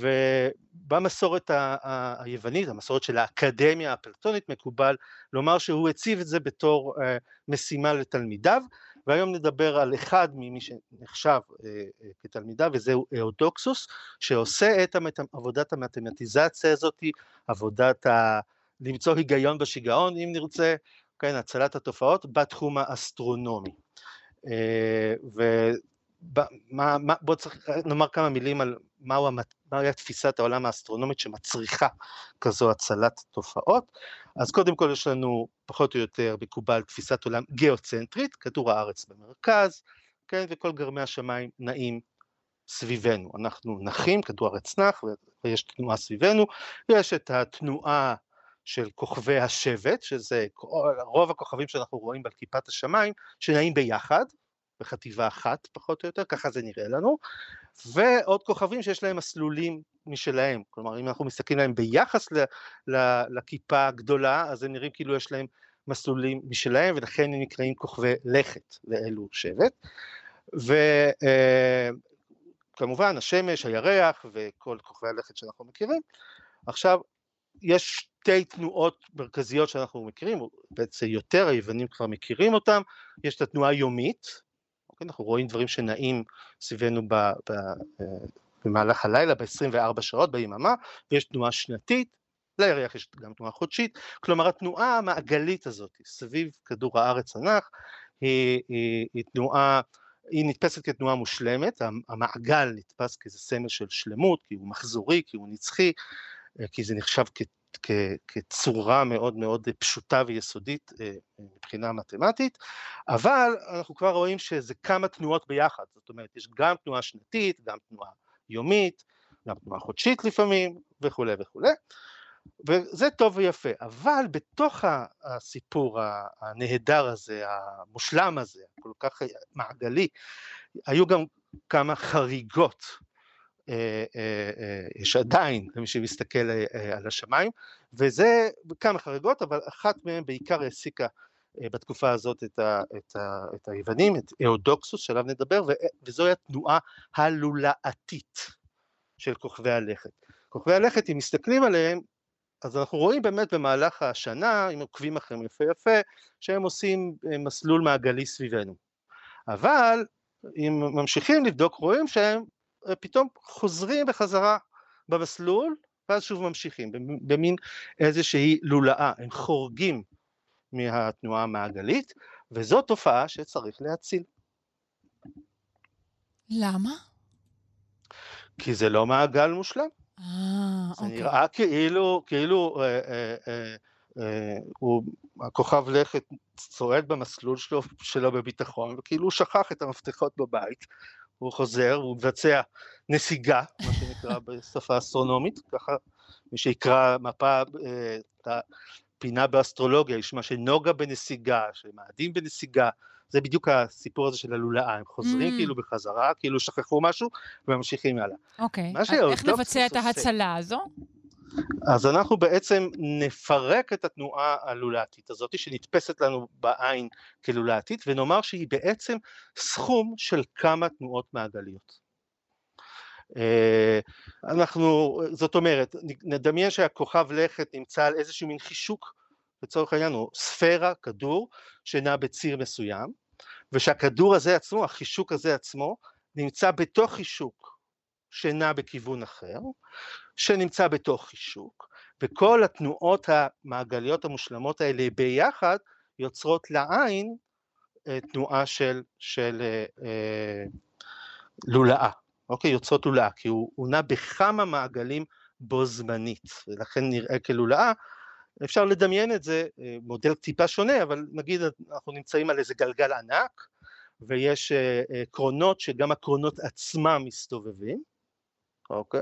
אז אנחנו מסתובבים גם עם, ה, גם עם את, את, את הציר של הגלגל ענק, גם את הציר של הקרונות ביחד, ומי שיסתכל על זה אה, מרחוק, נגיד אם נחזיק סטיק לייט בלילה, אז מה שהוא יראה זה הוא, הוא יראה אה, לולאות, בגלל שיש פה כמה תנועות ביחד, Mm. ומה שבעצם עושה אאודוקסוס הוא דבר אה, אה, מדהים קודם כל מבחינה זאת שהוא מפרק לנו איכות לגורמ, לגורמים יסודיים יותר, ממש כמו שאחר כך בתולדות הפיזיקה, אה, ניוטון, אולי קצת לפני כן גלילאו, ייקח לנו עקומה, תנועה שאנחנו רואים כעקומה, איזו תנועה של משהו שעף באוויר, ויפרק אותה לכמה וקטורים, לכמה קווים ישרים, או כאלה תנועות יותר פשוטות. הפירוק הזה הוא מאוד מאוד חשוב, והוא בעצם עוזר לנו להעביר איכות לכמות ולעשות הומוגניזציה של, של תופעות הטרוגניות אה, אה, בטבע, ואודוקסוס כבר עושה את זה, והוא ממש מעמיד מודל שלם גיאומטרי כזה, שמסביר את אה, כל, התופע, את כל החריגות ש, שהוא מכיר, והוא בונה מין מערכת כזאת של 26 אה, חישוקים כאלה, אבל יש לציין, ועם זה נסיים, שהוא לא נותן לנו פה הסבר פיזיקלי של, ה, של המערכת הזאת, של המודל הזה, זה רק מודל מתמטי. אנחנו פתרנו את הבעיה מבחינה מתמטית, אבל איך הכוכבים אה, זזים בצירים האלה? מה הם, ה, מה החישוקים או הגלגלים, הספרות הללו? אה, אה, איך זה יכול להיות שהם ינועו במקביל? לכל זה אין דין וחשבון, וזה נראה גם שלאודוקסוס, אולי מבחינה, אה, זו מגמה אפלטונית, אין כרגע עניין לתת הסבר כזה. העניין כרגע זה לקחת תופעה שנראית לנו מורכבת, כאוטית, משונה, נכון, ולפשט אותה ולהסביר אותה באופן מתמטי. נכון. אוקיי. וזהו. בסדר, אנחנו נתיימר אולי לספק אה, בעמוד הפייסבוק כאן שלושה שיודעים אה, תמונה של הדמיית המודל הזה, אה, נקרא לו אה, מודל הגלגל הענק, בסדר? אה, כן. אוקיי. אה, אולי נבחר, נבחר אחר, כי מודל גלגל ענק יותר יתאים דווקא לאריסטו, אבל... בסדר. אבל, אתה יכול לבחור לו לא, שם. המודל של אאודוקסוס, אוקיי, נהיה... זה מעט שמרני בעיניי, אבל בסדר, כך נקרא לו. אה. נתי קופר מהאוניברסיטה העברית, אני מודה לך. אה, נשתמע בשבוע הבא. ביי ביי. ביי ביי.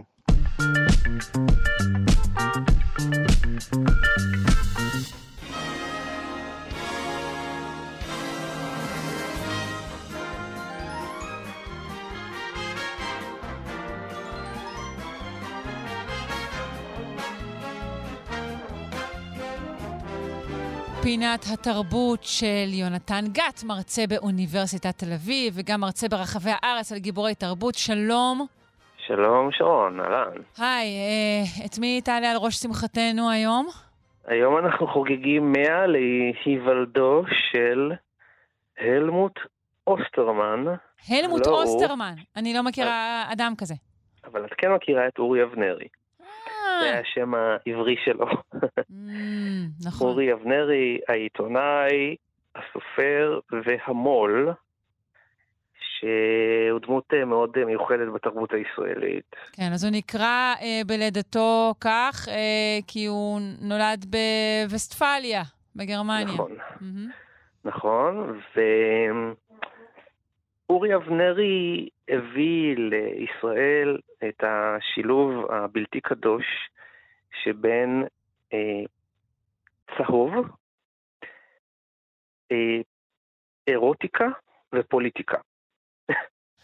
העיתון שהוא אה, רכש, העולם הזה, שהוא רכש אותו בעקבות ההצלחה המסחררת של הספר, הספר שלו בשדות פלשת, מלחמת השחרור, זה עיתון שהיה שקוע בחובות, והוא לקח אותו, שינה אותו, והפך אותו למה שהיום מקובל אה, להאמין, שזה בעצם האב טיפוס של כל העיתונות הישראלית שאנחנו רואים היום. וזה מעניין כי בשביל זה צריך לראות איך העיתונות הייתה נראית עד העיתון שהוא לקח. נכון. וטיפח, אני, אני, אני יודעת שזה מה שמקובל לומר, ויש בזה גם הרבה מן האמת. אני חושבת, אה, בסוגריים, אה, ואתה אולי תתייחס לזה, שהצהוב והפורנוגרפי בעולם הזה נועדו לשרת אה, מטרה אחרת. אה, הם לא היו לשם עצמם. כך נדמה לי. עכשיו תמשיך. כן, זה לא, זה לא סוד. לא, זה לא סוד, וזה גם לא סותר אולי את מה שאמרת. כן. ההבדל אה, בין מה שאורי אבנרי עשה לבין מה שהיה לפני כן בעולם העיתונות הקודם, היה אה, שהעיתונות הקודמת, בוא נגיד, בוא נתחיל רגע בוויזואליה. באופן ויזואלי, העיתונות הישראלית הייתה אה, סדינים, כמו שרואים היום את עיתון הארץ. סדין ענק, ככה קוראים לזה סדינים, כי זה 아, אה, דפים כי ענקיים. כי אפשר להתכסות בזה, אם, אם נכון, אתה חסר בדיוק. בית? אוקיי, כן, הבנתי. אה, זה דפים ענקיים עם כותרת אחת ראשית והמון המון המון מלל צפוף, קטנצ'יק, מכווץ, וכמעט אין תמונות, והכל מאוד יבש. העיתון של אורי אבנרי היה נראה אחרת לחלוטין, כותרות ענקיות, תמונות גדולות מאוד מאוד, היום קצת קשה לזכור את זה, אבל ככה צריך לראות את ההבדלים. אה, לפעמים התמונות במגזינים של אורי אבנרי היו אה, בעצם הכותרת. יש למשל שערים שאין בהם בכלל כותרת, יש שם רק תמונה. Mm. אז ככה זה היה בשער של העיתון, אולי שתי מילים. כן, שתי ו... מילים או, או, או שני כוכבים על, על ציצי, דברים כאלה. בדיוק. אה, וגם הדבר המשעשע זה שהיה שער אחורי, השער האחורי היה שער של רכילות, צהוב, סנסציה, או כמו שהוא היה קורא לזה סקופ, הוא היה תמיד אה, שם מין כזה כותרת ענקית כזאת, היא צועקת, סקופ. ומהצד השני, אה, עמדות פוליטיות. את לא היית יכולה להגיע אל רחל המרחלת, היה לו מדור כזה, רחל המרחלת, בלי שעברת את הטור האישי שלו שנקרא הנדון. ששם הוא היה כותב את מאמר המערכת שלו, אה, לגבי, אה, בדרך כלל, אה, מן הסתם, זה היה על אה, הדרישה שלו להגעה לשלום עם הפלסטינים, וההתקוממות שלו נגד השלטון, כל שלטון דרך אגב. אה, זה התחיל בזה שהוא התקומם נגד שלטון מפא"י, האויב מספר אחת שלו היה בן גוריון. הוא היה מאוד מאוד uh, שמאלי, uh, אורי אבנרי בדעות הפוליטיות שלו, ואומרים שהיה אחד האנשים שדחפו להסכמי השלום, שבסופו כן. של הייתה, דבר... הייתה לו דעה מאוד מורכבת, הוא בכלל התחיל בצד השני לכאורה של המפה, והוא דיבר הרבה על מרחב שמי, uh, מרחב משותף. נכון, הוא היה חלק, הוא היה חלק מגייסות שועלי שמשון, mm-hmm. שזאת הייתה מין, אה, אה, זאת הייתה יחידה, אה, כמו סיירת מטכ"ל של אז, שהיו עושים פעולות מיוחדות, הוא אפילו כתב את ההמנון של, ה, אה, של היחידה הזאת, אה, וכן, הוא אפילו רצה שירושלים של זהב של נעמי שמר יהפוך להיות ההמנון של ישראל. אה, כן, היו לו, הוא בהחלט היה לו עמדה מורכבת, הוא מאוד העריץ גנרלים, מאוד העריך אנשי צבא, כי מבחינתו הם היו בשטח, אבל מצד שני הוא גם מאוד אהב אה, אה, להבאיש את ריחם במדורי הרכילות, כל התחקירים שלו על משה דיין, על שוד העתיקות, על הרומנים שלו, הכל נחשף אצלו בעולם הזה. כן, הוא... והעיתון הזה היה כל כך משפיע. אולי הוא כבר ידע שזאת לא הבאשת ריח, אלא בנייה של אה, מיתוס. גם יכול להיות. זה היה ידוע שכולם מחכים וקוצצים ציפורניים לראות מה הולך להתפרסם בעולם הזה, כי שמה זה באמת היה ללא פחד וללא, וללא מורא וללא משוא פנים. כן. זה היה גם הסיסמה של העיתון שלו. זה לא היה נפוץ כל כך לפרסם דברים כאלה על גנרלים ופוליטיקאים. ישראל הייתה סופר שמרנית. אה, למשל, כשהופיע פתאום ניקוי ראש, כולם היו מופתעים, איך יכול להיות סאטירה נגד אה, גולדה, נגד רבין וכדומה. אבל אורי אבנרי עשה את זה הרבה קודם, הוא אה, גחיך אותם, הוא אה, סנט בהם, הוא קינטר אותם. היה להם מאוד קשה לחיות, עד אז אה, למפא"י, מפא"י יכולו לעשות כל מה שהם רוצים, ופתאום הופיעה להם אופוזיציה משמאל, שגם מביאה עיתון שכולם רוצים לקרוא, כחלק מהאירוטיקה וה, וה, והדברים החשופים, כפי שתיארת. וגם, תראי איזה עיתון נועז, מאמינה בשנות החמישים לראות uh, חזה חשוף בעיתון? היום אנחנו לא רואים חזה חשוף בעיתון. כן. בעיתון? בדוכני העיתונים? אנחנו לא רואים uh, חזה חשוף uh, או עירום גברי בולט בטח, לא בשער ולא בפנים. אנחנו לא צריכים דוכני עיתונים בשביל זה, בשביל זה המציאו את האינטרנט. אל תשכח, נכון, אבל תחשבי, גם לפני האינטרנט, ראית פעם ידיעות אחרונות עם אה, ציצים על השער?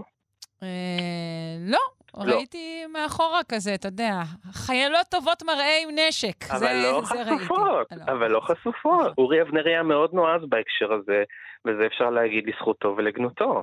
הוא המציא את פנינה רוזנבלום, אל תשכחי. הוא מאוד מאוד אהב לפרסם את, אה, את, אה, את קורותיה של פנינה רוזנבלום, והוא עשה את זה גם, הוא גם, אה, היה לו את, ה, את האומץ ואולי את החוצפה לחשוף דברים שאין שום סיכוי שהיום היו נחשפים. אני מסתכל קצת על הארכיון של העולם הזה, ואני רואה חשיפה ממש של רומנים חשאיים של כל מיני סלבס, עם שמות ופרטים, דברים שהיום זה קורה, אבל לא בסיטונות ועל בסיס שבועי, כמו שהוא עשה אז. כל היום מיני גם שמות של אנשים... בעידן ה- אה, בעידן התביעות, אני לא יודעת אם הוא היה יכול לעשות את זה. נכון. אה, נכון. נכון, וכמובן אה, אה, הקים את, אה, את אה, שלי ואת הרשימה המתקדמת ונכנס. לכנסת, ו- כן, כן, אה, אין, אין סוף לפועלו. אין סוף אה, אבל אה, מה שעוד רציתי להגיד לך זה שהקדשנו לו תוכנית גיבור תרבות בהסכת שלנו ב- בכאן. אה, מעולה, אה, אני אקשיב. תרבות. ו- אה, ושרית ישי לוי, העיתונאית, שעכשיו היום סופרת... שהיא נפגשה אה, יחד איתו עם ערפאת, נכון? נכון, היא נפגשה איתו עם ערפאת, זה היה חלק מהדברים הלא יאומנים שהאיש הזה עשה בזמן שערפאת היה הוגדר כאויב, יש כאלה שעד היום רואים בו כאויב, אבל בכל זאת אסור היה להיפגש איתו על פי חוק, והוא נפגש איתו בביירות. ושרית ישי לוי מספרת שהעבודה עם אורי אבנרי הייתה מדהימה, הוא היה לוקח אותם לבית הדפוס, להראות להם בדיוק איך כל התהליך הזה עובר. הוא היה מכריח אותם אה, לתת כותרות לכתבות שלהם, שזה לא דבר מובן מאליו, כי היום לא, כתב בכלל לא לא. עושה את זה. אה, הוא היה מראה להם איך הוא מעמד את העמודים, איך הוא בוחר את הפונטים. הוא לא היה מפרסם שום כתבה אם אין תמונה מקורית של האיש המתראיין. לא היה אצלו אה, תמונות של ארכיון. הוא היה, מצ... הוא היה דורש צילום מיוחד לעולם הזה. הוא היה מבקש שכל אה, כתבה ת, ת, ת, אה, תהיה עם איזה פתיח סנסציוני. ולכן היה איזשהו כתב פלילים שם, שתמיד פתח את הכתבות שלו ב"המכונית עצרה בחריקת בלמים" וכדומה. אמ, טוב, ארכיון אה, העולם הזה קיים? ניתן אה, לעיין בו, כן, נכון? אפשר למצוא אותו, עשו פה איזה, הקימו לזכרו, והבנתי שזה באישורו של אה, המו"ל נוני מוזס, שהוא הבעלים של העולם הזה, של הארכיון, הוא רכש את הזכויות. אז הבנתי שזה באישורו ככה בשושו, ויש אה, אתר שיש שם את כל גיליונות אה, העולם הזה, זה פשוט מרתק להסתכל פנימה, זה לא יאומן, יש שם הרבה דברים על סלבס שהם עדיין נמצאים איתנו, שאני חושב שדברים שנשכחו, ואפשר אה, להציץ שם על הרכילות של פעם. אפשר לראות כמה היינו הרבה פחות שמרנים פעם. מעניין מאוד. אז אנחנו מציינים כאמור את יום לידתו של אורי אבנרי. Uh, תודה רבה לך שהזכרת את האיש הבאמת גדול הזה. יונתן גת, מרצה באוניברסיטת תל אביב וגם מרצה ברחבי הארץ על גיבורי תרבות, להיט. להיט, ביי ביי, תודה שרון.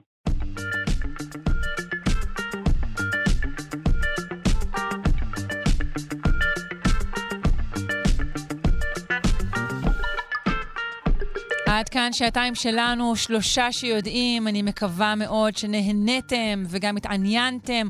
נזכיר שאנחנו משודרים בכל יום, מראשון עד רביעי, בשעה שבע בבוקר, ובשידור חוזר בשעה שמונה בערב.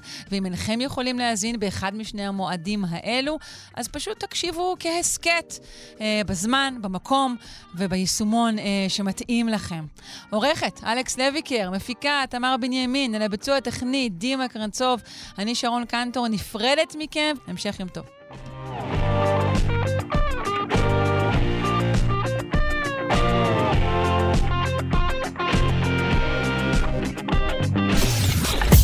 אתן מאזינות ואתם מאזינים לכאן הסכתים. כאן הסכתים, הפודקאסטים של תאגיד השידור הישראלי.